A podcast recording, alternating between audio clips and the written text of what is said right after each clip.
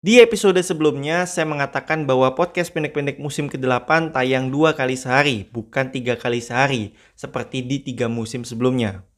Seperti yang diketahui bahwa empat musim pertama podcast pendek-pendek tayangnya dua kali sehari. Lalu, kenapa di musim ke-8 ini saya memutuskan untuk kembali tayang menjadi dua kali sehari? Pertama, saya merasa tiga musim belakangan yang tayangnya tiga kali sehari itu merupakan musim yang intens, meskipun jedanya kurang lebih dua minggu ya.